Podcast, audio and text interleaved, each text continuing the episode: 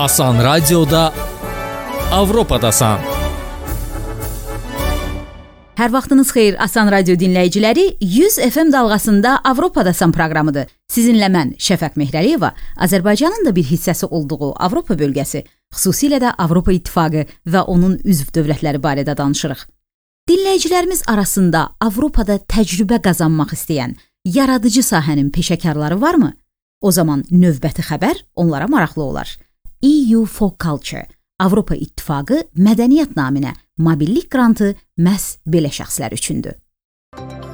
Avropa İttifaqının Azərbaycanda mədəniyyət və incəsənət mütəxəssislərinə dəstək məqsədinə maliyyələşdirdiyi 4-cü mobillik qrantlarına müraciət artıq başlayıb və sentyabrın 25-nə dək davam edəcək.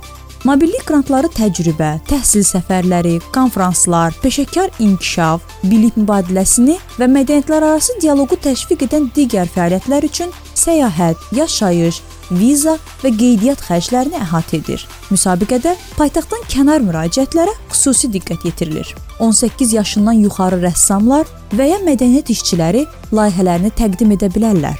Layihələrdə 4 növ mübadilə dəstəklənəcək. Qısa müddətli yəni 5-10 təqvim günü arası proqram. Bu məqsədlə iştirakçılar 1500 avroya qədər qrant qazana bilərlər. Orta müddətli mübadilə, yəni 5 həftəyə qədər proqrama ayrılan qrant məbləği 3500 avroya qədərdir. Uzun müddətli, yəni 12 həftəyə qədər proqrama iştirakçılar 5000 avroya qədər qrant qazana bilərlər. Layihədən virtual da, yəni onlayn iştirak etməklə yararlanmaq olar. Bu halda iştirakçılar 1000 avroya qədər qrant qazana bilərlər. Seçilmiş layihələr Avropa İttifaqı üzv dövlətlərində, ittifaqın tərəfdaş ölkələrində və ya digər Avropa ölkələrində bu ilin 15 noyabr tarixindən gələn ilin 31 avqustuna qədər həyata keçirilə bilər. EU for Culture mübadilə qrantları üçün müraciət edən ərizəçilər təklif etdikləri layihələr üzrə fəaliyyət planı və büdcə hazırlayaraq Goethe Application Portal vasitəsilə təqdim etməlidirlər. EU for Culture layihəsi Höte İnstitutu, Çex mərkəzləri, Danimarka Mədəniyyət İnstitutu və İnstitut Franse de George ilə birgə həyata keçirilir. İndiyə qədər EU for Culture layihəsindən şərq tərəfdaşlığı ölkələrindən 274 nəfər mədəniyyət sahəsinin peşəkarı yararlanıb. Siz də onlardan biri ola bilərsiniz. Avropa İttifaqının Azərbaycanda mədəniyyət və incəsənət mütəxəssislərinə dəstək məqsədi ilə maliyyələşdirdiyi 4-cü mobillik qrantlarına müraciət barədə danışdıq. Sənəd qəbulu başlayıb və sentyabrın 25-nədək davam edəcək. Layihə statistikası göstərir ki, müraciət edənlər mübadilə layihələri üçün ən çox İtaliyanı seçirlər. Bizim növbəti musiqi parçamız da oradan gəlir. Tək İtaliyada deyil, bütün dünyada tanınan opera səslərindən biri Andrea Bocelli, Kisas, Kisas, bəlkə də adlanan tərəddüd dolu mahnını ifa edir.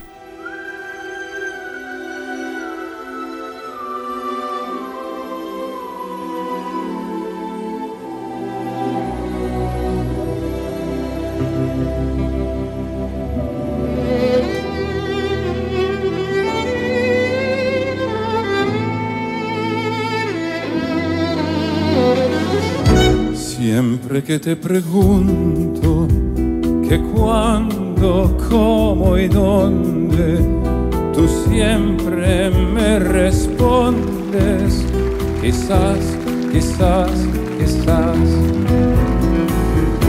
Y así pasan los días y yo desesperando y tú, tú contestando, quizás, quizás, quizás. Y estás perdiendo el tiempo pensando, pensando, por lo que más tú quieras, hasta cuándo, hasta cuándo.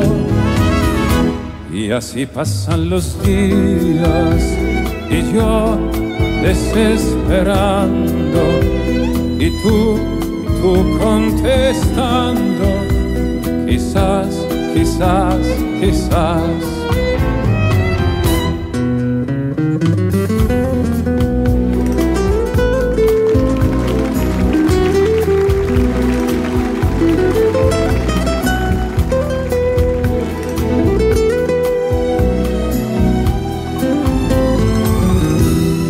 así pasan los días y yo desesperando y tú, tú contestando, quizás, quizás, quizás. Estás perdiendo el tiempo pensando, pensando por lo que más tú quieras. ¿Hasta cuándo? ¿Hasta cuándo?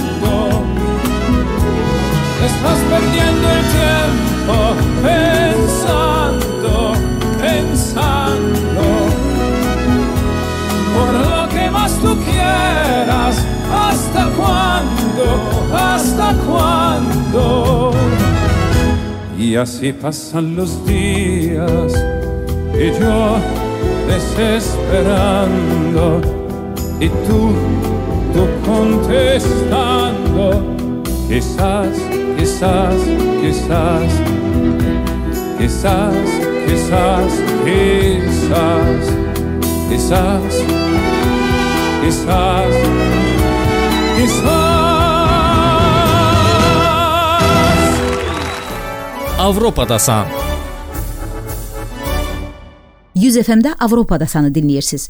Bu ay Erasmus üstəgəl proqramı ilə Avropada 2 illik tam dərəcə magistr təhsili almaq şansı qazanan Azərbaycanlı tələbələr Avropa İttifaqı səfiri Peter Mixalko ilə görüşüblər. Səfir onları nailiyyətləri ilə bağlı təbrik edib, təhsillərində uğurlar arzulayıb. Tələbələrimiz hansı ölkələr və hansı ixtisaslar üzrə təhsil almağa yollanırlar?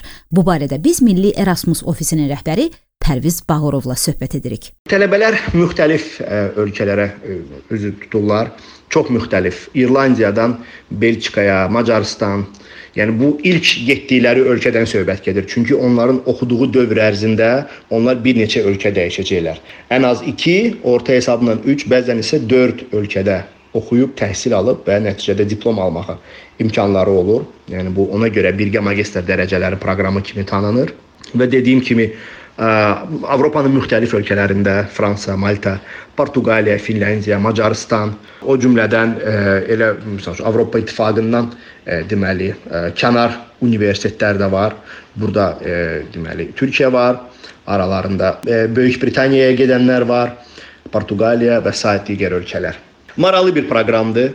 İxtisas olaraq bir sıra fərqli ixtisaslara üstünlük verirlər. Mən görmüşəm ki, elə ixtisaslar var ki, sırf ə, big data deyirlər də, onun idarə olunması ilə bağlı müxtəlif nano mühəndislik sahəsi var.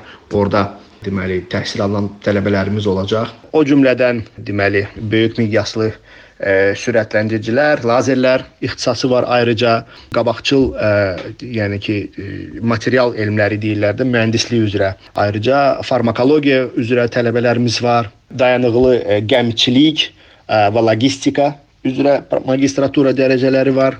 Uşaqlar və gənclərlə sosial iş üzrə Avropa magistr dərəcəsi verən ixtisaslar var. Davamlı və innovativ təbii resursların idarə edilməsi üzrə magistratura var. O çox bu günlərdə çox önəmli və həqiqətən də ə, çox lazımlı olan bir hamısı lazımdır təbii ki, amma son zamanlar bu yaşıl iqtisadiyyat və s. kimi mövzular üzrə bizim tələbələrimiz təhsil alacaqlar. Yəni bu sadəcə bir neçəsidir indi ağlımda olan.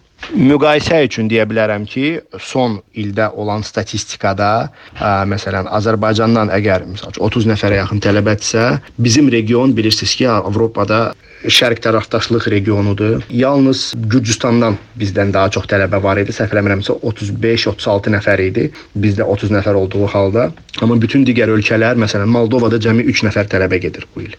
Ona görə də yəni yaxşı göstəricidir, kifayət qədər yaxşı göstəricidir. Onu da qeyd etməliyəm ki, Azərbaycandan gedən tələbələrin sayı artıq 2014-cü ildən Çünki proqram 2014-cü ildən başlayıb, Erasmus Plus proqramı. O proqram başlayandan bu yana artıq 150 nəfərdən çox tələbə bizdə bu proqramdan yararlanıb və birinci il əgər cəmi 1-2 nəfər tələbə gedirdisə, ötən il 31, bu ildə mənə elə gəlir 35 nəfərə qədər bu say artacaq. Bir daha qeyd edirəm ki, təbii ki, orada dəqiq sayı indi demək çətindir, çünki yay boyunca ehtiyat siyahısında olan tələbələrin əlavə stipendiyaların ayrılması nəzərdə tutulub. Təbii ki, yəni 30-35 nəfər az bir məbləğ, az bir həm məbləğ də deyil. Təbii ki, burada hər bir tələbəyə düşən mən dediyim kimi də, yəni böyük bir məbləğ vəsait nəzərdə tutulub, həm də say olaraq yəni ki, yaxşıdır. Bizi bu gün dinləyən tələbə Avropada Erasmus proqramı xətti ilə təhsil almaq istəyirsə, hardan başlamalıdır?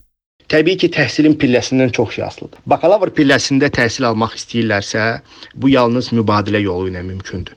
Çünki e, yəni burada Azərbaycanda gərək tələbə olasan ki, əgər universitetinizdə Erasmus müqavilələri varsa, sizin ixtisasa uyğun ondan istifadə edə bilərsiniz. Biz ə, e, tam dərəcə verən magistrdan başladıq söhbətimizi.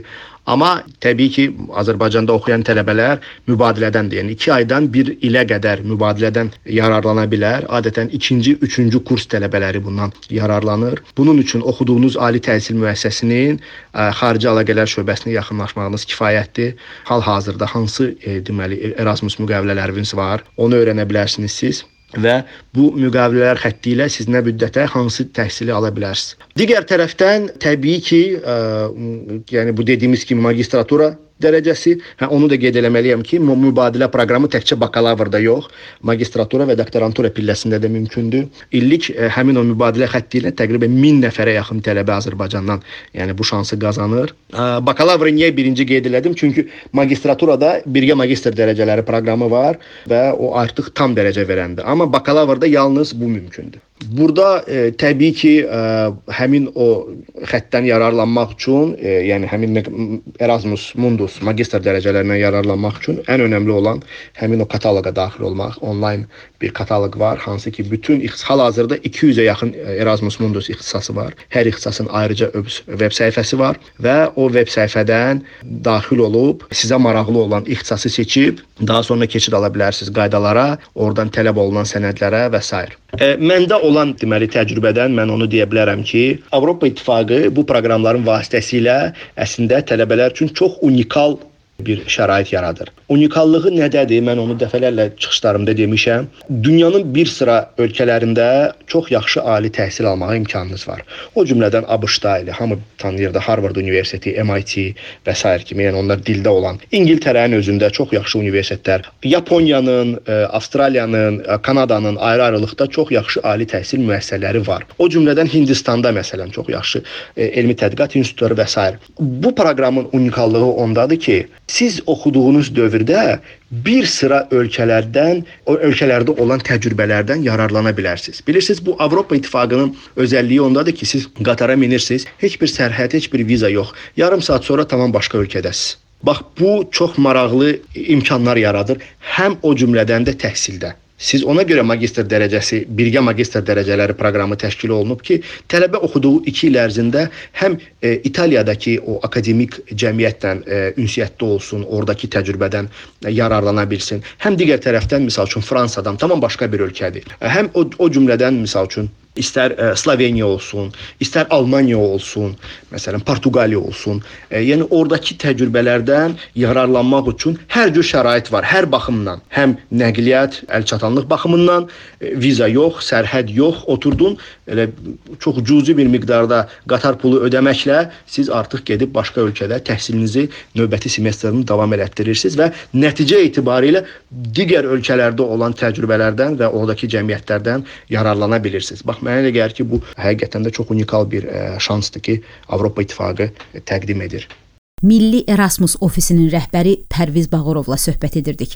Əlbəttə Avropaya istənilən məqsədlə səyahət viza alınması ilə başlayır. Schengen vizasının alınmasını özünüz üçün necə asanlaşdıra bilərsiniz? Bu və digər məsələlər ətrafında biz bir qədər sonra Çexiyanın Azərbaycandakı səfiri Milan Sedlaçiklə danışacağıq. Sizi bilmirəm Çexiyanın adı gələndə mənim xatirimdə ən birinci canlanan Çex kino istehsalı nağıllar canlanır. Xüsusilə də 1973-cü ildə çəkilən və Şərqi Avropada 20-ci əsrin ən yaxşı nağıl filmi kimi tanınan Küllücə nağılı. Baş rollarda Libuşa Şafrankova və Pavel Travniçikin çəkildiyi Tri Areşka dla Zoluşki filminin məşhur musiqisini gəlin xatırlayaq.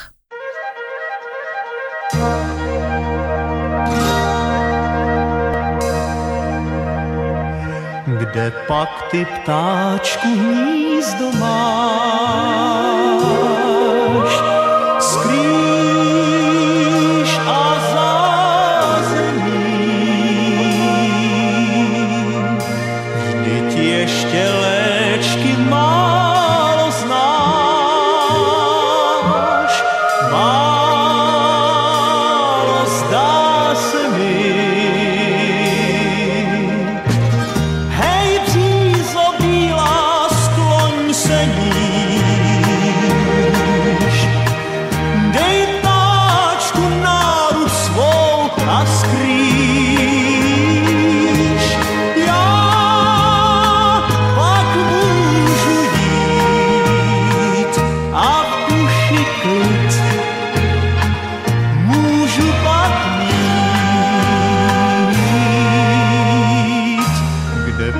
Ty ptáčku hnízdo máš.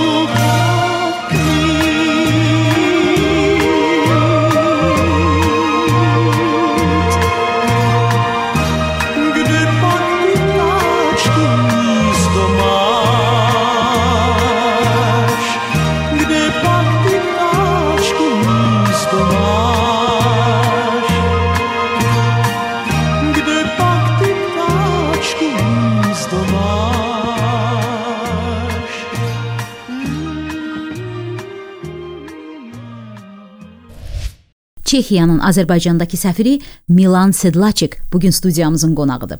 Cənab səfir, bayaq qeyd etdiyim kimi, o zaman Çexiya ilə digər Şərqi Avropa ölkələrinin istehsalı olan kino nağılları bir çoxlarımızın gözəl xatirəsinə çevrilib. Bəs görəsən Çexiya deyəndə Azərbaycanda başqa ağla nə gəlir? Sizə bu mənada necə cavablar verirlər? Я думаю, что, как вы уже сказали, вот эти чешские сказки, то есть очень э, известный вот феномен, или как можно сказать. Но потом это прежде всего э, вот пиво, да, это обязательно чешское пиво. Qeyd etdiyiniz kimi, mütləq nağıllar yada düşür və Çexiya pivəsi bütün dünyada məşhur olan Çex pivə markaları. Bundan başqa Bakı küçələrində tez-tez rastlaşdığım Şkoda avtomobil markası. Bəlkə də Şkoda qədər olmasa da, ondan az sayda Tatra yük maşınları. Ümid edirəm, onların sayını Azərbaycanda çoxalda biləcəyik. Bununla bağlı planlar qururuq. Tatra yük maşınlarının Qarabağda azad olunmuş ərazilərdə də istifadə olunmasını görmək istəyərdik. Bunların adını çəkmirlərsə, mütləq turizmi xatırlayırlar. Azərbaycanlıların tez-tez getdiyi Karlovu Varda müalicəvi kurort və ya Avropanın mərkəzində mədəni şedevr hesab edilən paytaxt Praqamızı. Pandemiyadan sonra Azərbaycan hava yollarının Praqaya həftədə 2 dəfə birbaşa uçuşlar başlaması ölkələrimiz arasında turizmi asanlaşdırıb. Ötən il bura səfər edən Çexiya Dövlət Televiziyasının çəkiliş qrupu Azərbaycan barədə silsilə reportajlar hazırlamışdı. Dünyadan qeydlər adlanan proqramda Azərbaycan barədə həftəlik 5-6 dəqiqəlik süjetlər verilir. O cümlədən Bakı, Lənkəran, hətta neft daşları barədə. Bu, Çexlərin Azərbaycana marağının artmasına səbəb olacaq. Məncə Çex turistləri üçün bura çox maraqlı olacaq. Я был поражен, когда я был первый раз э, в крепости, да, и Черешехер, это для меня, это шедевр опять, э, это, это я там могу гулять каждый день, 2-3 часа, и постоянно буду что-то нового там э, открывать, потому что это, это действительно Mən İçəri şəhərdə saatlarla gəzə bilərəm. Hər döndüyümdə də orada yeni nə isə kəşf edirəm. Müasir memarlığınızla da bağlı həmçinin. Mən modern şedevrə çevrilən Heydər Əliyev mərkəzinin yanında yaşayıram. Sahliyanı bulvarın özü. Bundan əlavə Azərbaycanın dağları. Mənim səfirlikdəki həmkarlarım Şaxta Xizək kurortuna tez-tez gedirlər və Çexiyadan gələn turistlərə də oranı tövsiyə edirlər. Kulinariyanız ayrıca mövzudur. Dadlı kabablarınız, tərəvəzləriniz. Даже не помню, чтобы я не хотел здесь есть. Это все, все мне всё очень вкусно. Cənab səfir, Bakıda diplomatik təyinatınızın 1 ilini başa vurdunuz bu günlərdə. Sizi ilk dəfə qəbul edərkən Azərbaycan rəhbərliyi vurğulamışdı ki, Çexiya Avropa İttifaqı üzv ölkələri arasında bizim strateji əməkdaşlıq qurduğumuz 9 ölkədən biridir. Bu münasibətlərin mahiyyətini açıqlaya bilərsinizmi lütfən? Э, Это год тому назад, это значит 17 июня. В прошлом году я прилетел э, в Азербайджане, но нет первый раз, второй, потому что я здесь был э, 12 или, может, 15 лет тому назад. Elədir. Bir il əvvəl iyun ayında mən Azərbaycana gəldim. Amma bu mənim ikinci səfərim idi. Ondan əvvəl ölkəmizin xarici işlər naziri Karl Schwarzenbergin səfərində onu müşahidə etmişdim. Uzun müddət Avropa və Asiya ölkələrində xidmət etdikdən sonra deməliyəm ki, Bakını çox sevirəm. Burada insanlar mehriban, iş gözlədiyimdən də daha maraqlı və məzmunludur. Bildiyiniz kimi Avropa ilə münasibətlər dəyişir və bu bizim qarşımıza yeni çağırışlar qoyur. Çexiya üçün isə Azərbaycan bilavasitə etibarlı və perspektivli tərəfdaşdır. У нас есть программа развития э, отношений э, с Азербайджаном. Э, Прежде всего, у нас есть э, межправительская комиссия. Ölkələrimiz arasında parlamentlər arası əlaqələr üzrə işçi qrupu fəaliyyət göstərir. Bu format hər ölkə ilə mövcud deyil. İşçi qrupunun son iclası bu ilin martında Praqada olmuşdu. Beləliklə, biz strateji əməkdaşlığımızı sözdən əmələ keçiririk. Xüsusilə də enerji və iqtisadi əməkdaşlıq üzrə konkret addımlar atırıq. İstərdik ki, Qarabağda azad olunmuş ərazilərinizdə Çexiya şirkətləri də fəaliyyət göstərsin. Bizim smart texnologiyalar üzrə yaxşı şirkətlərimiz var. Bir neçə həftə əvvəl Çexiya parlament üzvləri Ağdamda olanda orada aparılan işlər onlarda böyük təəssürat yaratdı və onlar Azərbaycanlı həmkarlarına söz verdilər ki, Praqaya dönüb bu barədə məlumatı çatdıracaqlar. Ümid edirəm ki, ilin sonuna qədər sizin spiker xanım Qafarova Çexiyaya səfər edəcək. Bu barədə dəvətnaməni onun həmkarı Marketa Pekarova Adamova adından mən şəxsən çatdırmışam. Parlamentlər arası münasibətlərlə yanaşı ayrı-ayrı Çex şirkətlərinin Azərbaycanda gəlib fəaliyyət göstərməsinə nail olmaq mənim səfir kimi məqsədlərimdən biridir. Стремимся э, делать. Biz bugünkü proqramda Azərbaycanlı tələbələrin Avropa ölkələrində təhsilə marağından danışdıq. Çexiya da bu ölkə seçimləri arasındadır. Amma viza alınmasına gəldikdə bəziləri çətinliklə qarşılaşırlar. Siz bu mənada müraciət edənlərə nə tövsiyə eləyərdiniz? Поэтому я очень рад, что э, мы про это можем э, говорить, потому что я считаю, э, что э, в Чехии можно найти все э, вот эти возможности для студентов в одном месте. Да, это значит э, качественное образование, большой выбор возможностей. Sevinirəm ki, Çexiya Azərbaycanlı tələbələrin təhsil məkanına çevrilir. Çünki burada onlar bir neçə imkandan eyni zamanda yararlana bilirlər. Yüksək təhsil, yaxşı şərait, gözəl və təhlükəsiz ölkədə yaşamaq. Qeyd edim ki, xarici tələbələr Çex dili üzrə müvafiq imtahanı verə bilərlərsə, onlar bizim universitetlərdə tamamilə ödənişsiz təhsil alırlar. Azərbaycandan gələn tələbələr Çex universitetləri üçün böyük maraq kəsb edir. Vizalara gəldikdə isə istər tələbələr, istərsə də digər məqsədlər üzrə səyahət edənlər üçün burada vacib şərt əvvəldən hazırlıqlı olmaqdır. Məsələn, iyul-avqustda səyahət etmək istəyənlərə apreldə viza üçün müraciət etməyi tövsiyə olunur. Sənədləri qaydasında olan və bizə kifayət qədər vaxt verənlər üçün viza alınmasında heç bir çətinlik olmur. Çexiyada sentyabrda təhsilə başlamağı planlaşdıranlar ən geci may ayında viza üçün müraciət etsələr, çətinliklərlə qarşılaşmayacaqlar. Это есть единственная, самая несложная дорога к этому, на путь к этому получить. Заранее и все иметь в порядке. Это Təşəkkür edirik Səfir Sıdlaçıq. Sizə Bakıdakı təyinatınızda irəlidən gələn illərdə də uğurlar arzu eləyirik. Moje sestra do kouta nepůjde, Ani tebe poslouchat nebude. Moje sestra v srdci je divoká,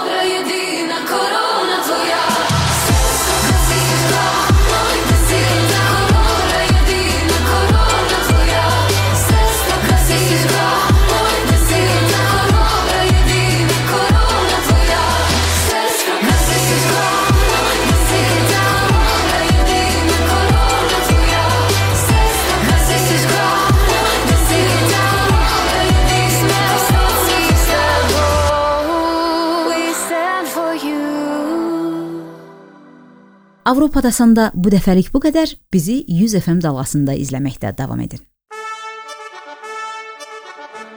Asan radioda Avropadasan.